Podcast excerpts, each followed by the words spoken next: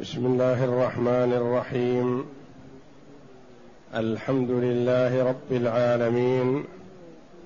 والصلاة والسلام على نبينا محمد وعلى آله وصحبه أجمعين. وبعد. بسم الله. أعوذ بالله من الشيطان الرجيم. ألم يأتكم نبأ الذين كفروا من قبل فذاقوا وبال أمرهم ولهم عذاب أليم. ذلك بأنه كانت تأتيهم رسلهم بالبينات فقالوا أبشر يهدوننا؟ فكفروا وتولوا واستغنى الله والله غني حميد. هذه الآيات الكريمة من سورة التغابن. جاءت بعد قوله جل وعلا خلق السماوات والأرض بالحق وصوركم فأحسن صوركم وإليه المصير. يعلم ما في السماوات والأرض ويعلم ما تسرون وما تعلنون. والله عليم بذات الصدور. ألم يأتكم نبأ الذين كفروا من قبل فذاقوا وبال أمرهم ولهم عذاب أليم. الآية يقول الله جل وعلا ألم يأتكم الهمزة للاستفهام؟ بعض العلماء يقول استفهام تقريري لأن هذا معلوم لديهم وبعضهم يقول استفهام توبيخي لأنه ما ينبغي لهم أن ينكروا رسالة محمد صلى الله عليه وسلم وقد بلغهم خبر المكذبين للرسل ماذا فعل الله بهم؟ والخطاب للكفار للكفار قريش ومن على شاكلتهم. ألم يأتكم يعني التقرير أتاكم وبلغكم. نبأ الذين كفروا من قبل. نبأ النبأ هو الخبر الهام. يقال له نبأ.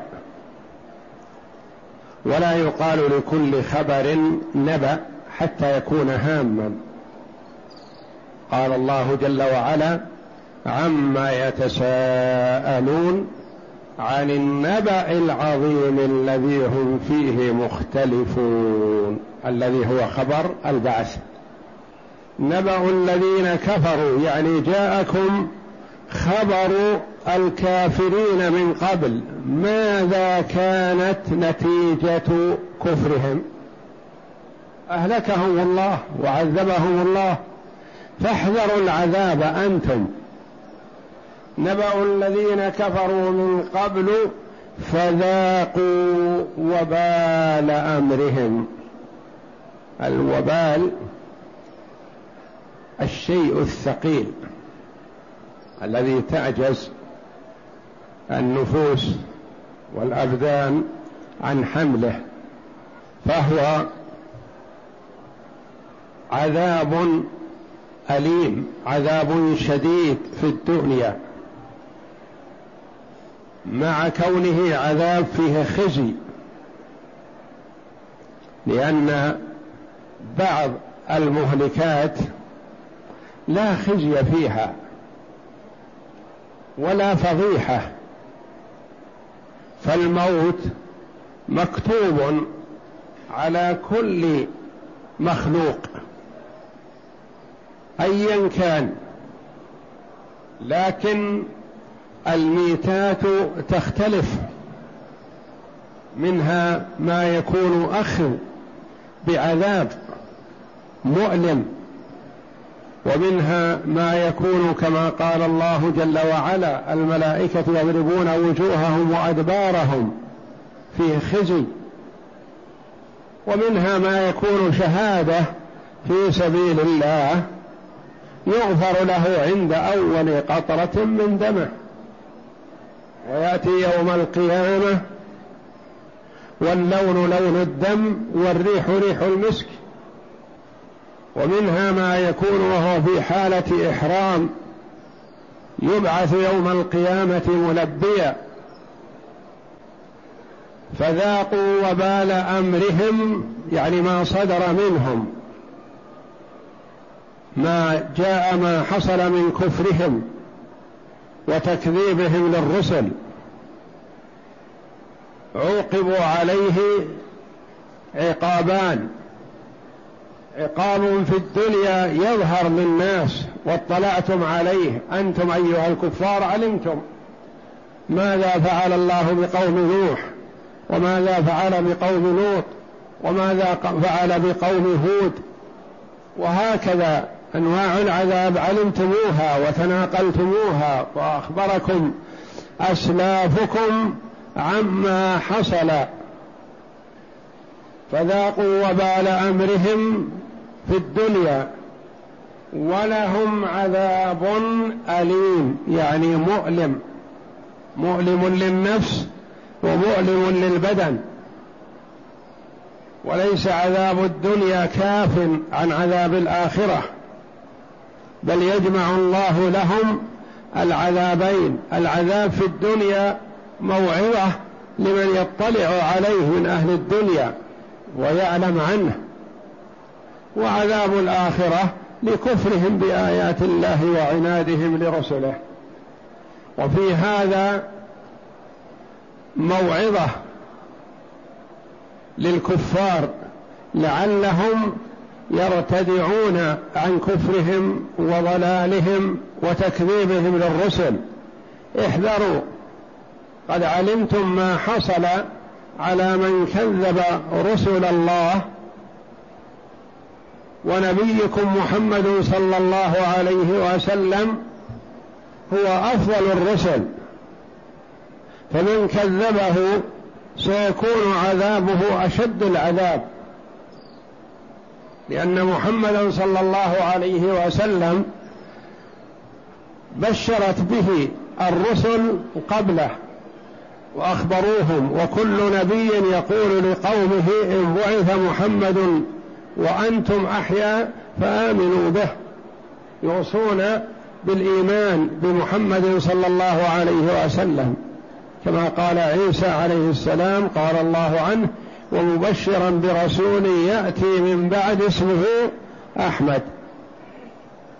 فذاقوا وبال أمرهم ولهم عذاب أليم في الآخرة وهو عذاب النار. فيجمع الله جل وعلا للكفار بين عذاب الدنيا وعذاب الآخرة. يقول تعالى مخبرا عن الأمم الماضية وما حل بهم من العذاب والنكال في مخالفة الرسل والتكذيب بالحق. فقال تعالى ألم يأتكم نبأ الذين كفروا من قبل؟ أي خبرهم وما كان من أمرهم؟ فذاقوا وبال أمرهم أي وخيم تكذيبهم وردي أفعالهم وهو ما حل بهم في الدنيا من العقوبة والخزي ولهم عذاب أليم أي في الدار الآخرة مضاف إلى هذا الدنيوي ثم علل ذلك. ذلك بأنه كانت تأتيهم رسلهم بالبينات. كأن سائلا يقول يا ربي لم لهم هذا؟ لما عذبوا في الدنيا مع ما أعد لهم من عذاب الآخرة؟ فقال الله جل وعلا ذلك بأنه كانت تأتيهم رسلهم بالبينات. الأمم السابقة عذبوا لماذا؟ لأن رسلهم قد أتتهم بالبينات يعني بالدلائل البينة والحجج الواضحة والبراهين القاطعة والمعجزات الظاهرة التي لا يمكن أن يأتي بها بشر من عند نفسه. لا بد أنها من عند الله. جاءتهم بشيء بين واضح لا إشكال فيه ولا غبار ولا شك. ومع ذلك ردوه. ذلك بأنه أي بسبب الباء هنا يقال عنها باء السببية. كانت تأتيهم رسلهم بالبينات يعني بالأشياء البينة من الحجج والبراهين والأدلة. مثل ما جاءكم به نبيكم محمد صلى الله عليه وسلم. جاءكم بهذا القرآن العظيم الذي لا يأتيه الباطل من بين يديه ولا من خلفه ولا يستطيع البشر ولو اجتمعوا هم والجن على أن يأتوا بمثله ما استطاعوا. ثم تحداهم الله جل وعلا أن يأتوا بعشر سور من مثله فما استطاعوا. ثم تحداهم الله جل وعلا أن يأتوا بسورة واحدة من مثله فما استطاعوا. سورة واصغر وأقل سورة هي ثلاث آيات من القرآن. أن يأتوا بسورة من مثله فما استطاعوا. دل هذا على أنه كلام الله وأنه جاء به من عند الله. ذلك بأنه كانت تأتيهم رسلهم. يعني الأنبياء الذين أرسلهم الله جل وعلا إليهم حجة على الخلق. وإقامة للحجة عليهم. رسلهم بالبينات فقالوا قال هؤلاء الكفار أبشر يهدوننا؟ وما المانع أن يهديكم الله جل وعلا على يد بشر؟ ماذا تريدون أن يأتيكم؟ لو أتتكم الملائكة ما استطعتم أن تتخاطبوا معهم. وما فهمتم عنهم. قالوا أبشر يهدوننا استفهام استغراب واستنكار. ولانتكاس عقولهم استنكروا أن يكون الرسول بشر ولم يستنكروا أن يكون الإله حجر. يعبدون الحجر والشجر.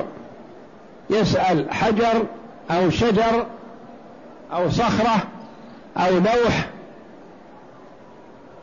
يأتي الثعبان فيبول عليه ثم يأتي يغسله ويسجد له. ويقولون أبشر يهدوننا؟ نعم. البشر مثلكم يوحي الله إليهم فيرشدونكم ويدلونكم ويبصرونكم وماذا تريدون أن يأتيكم؟ أبشر يهدوننا؟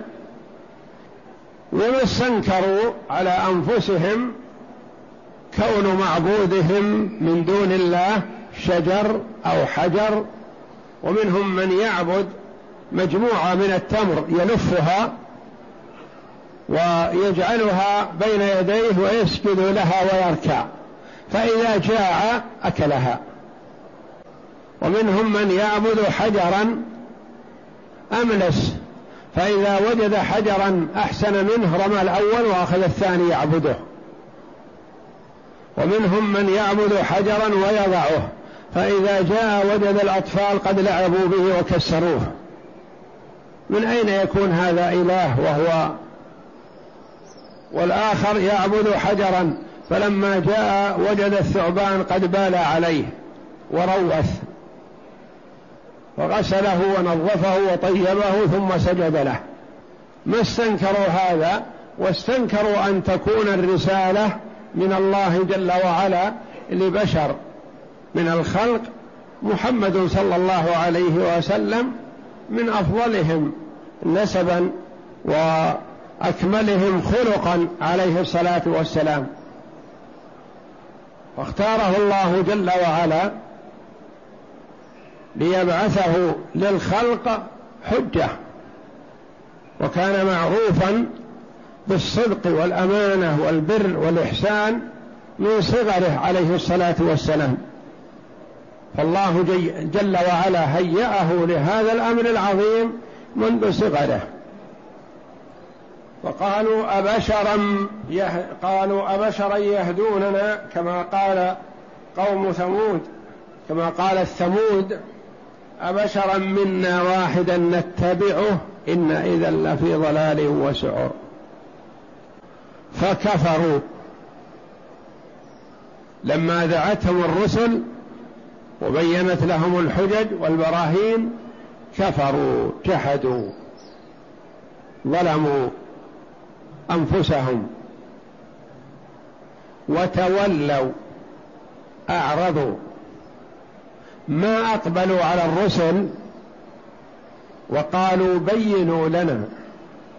أعطونا البيان أعطونا الأدلة أعطونا براهين إنكم صدقة إنكم صادقون. أعطونا معجزات. لا تولوا يعني أعرضوا ما قبلوا. يعني المرء في أول الأمر يستنكر الشيء ولا يلام على استنكاره لأن من جهل شيئا عاداه فيستنكر الشيء فيطلب العاقل يطلب البيان والإيضاح. كما فعل بعض الصحابة رضي الله عنهم لما جاءوا إلى النبي صلى الله عليه وسلم مسلمين سألوه البيان والإيضاح وأقبلوا عليه فلما سمعوا منه عليه الصلاة والسلام ما يدعوهم إلى الإيمان سارعوا إلى الإيمان. الإنسان يستنكر الشيء أول وهلة فيطلب الإيضاح والبيان ثم يقتنع ويستفيد ويستجيب. لكن هؤلاء والعياذ بالله كما قال الله جل وعلا عنهم فكفروا وتولوا. أعرضوا وأبعدوا ولم يسمعوا حتى إن بعضهم إذا سمع النبي صلى الله عليه وسلم يقرأ القرآن لحلاوته وحسنه يضع أصبعيه في أذنيه حتى لا يسمع. يخاف أن يسمع شيئا يعجبه فيستجيب له ويؤمن. وكذلك بعض رجال العرب الذين يقدمون إلى مكة. يقف لهم أبو لهب ونظراؤه في مداخل مكة ويقولون احذروا احذروا محمد فإنه يفرق بين المرء وزوجه يسحر بكلامه وكذا وكذا إلى آخره. يقول بعضهم حتى هممت أن أضع في أذني القطن حتى لا أسمع كلام هذا الرجل. أخاف أن يفتنني. يقول ثم قلت في نفسي أنا عاقل وفاهم وأعرف الكلام. أميز الكلام الحسن من القبيح لما لا أسمع وأنظر. فلما سمع سمع شيئا أعجبه فسارع وأسلم. وهم كفار قريش يخشون من مثل هذا أن يأتي الرجل عنده الإدراك والمعرفة فيسمع كلاما يعجبه فيؤمن. وتولوا واستغنى الله. الله جل وعلا غني عن الخلق. لا تنفعه طاعة المطيع ولا تضره معصية العاصي. كما قال الله جل وعلا في الحديث القدسي يا عبادي لو أن أولكم وآخركم وإنسكم وجنكم كانوا على أتقى قلب رجل واحد منكم ما زاد ذلك في ملك شيئا. ولو أن أولكم وآخركم وإنسكم وجنكم كانوا على أفجر قلب رجل واحد منكم ما نقص ذلك في ملك شيئا. الله جل وعلا لا ينتفع بطاعة المطيع كما لا يتضرر سبحانه وتعالى بمعصية العاصي. وإنما هي كما قال تعالى فيها مثل في هذا الحديث يا عبادي إنما هي أعمالكم أحصيها لكم ثم أوفيكم إياها. فمن وجد خيرا فليحمد الله الذي وفقه ومن وجد غير ذلك فلا يلومن إلا نفسه. لا يلومن إلا نفسه. هو الذي عمل السوء واختاره وسارع إليه. واستغنى الله فالله غني عن خلقه. وقيل في معنى استغنى الله يعني بما أظهره من البينات والحجج. اكتفى بها. ما يحتاج إلى زيادة بيان وإيضاح. الأمر واضح جلي. واستغنى الله والله غني عن الخلق جل وعلا. حميد محمود جل وعلا في أفعاله وأسمائه وصفاته وربوبيته وألوهيته فهو المحمود جل وعلا على كل حال. هو أهل الحمد وهو أهل الثناء سبحانه وتعالى. فالناس محتاجون إليه وهو جل وعلا غني عنهم. ثم علل ذلك فقال تعالى ذلك بأنه كانت تأتيهم رسلهم بالبينات أي بالحجج والدلائل والبراهين. فقالوا أبشر يهدوننا؟ أي استبعدوا أن تكون الرسالة في البشر؟ وأن يكون هداهم على يد بشر مثلهم فكفروا وتولوا أي كذبوا بالحق ونكلوا عن العمل واستغنى الله أي عنهم والله غني حميد.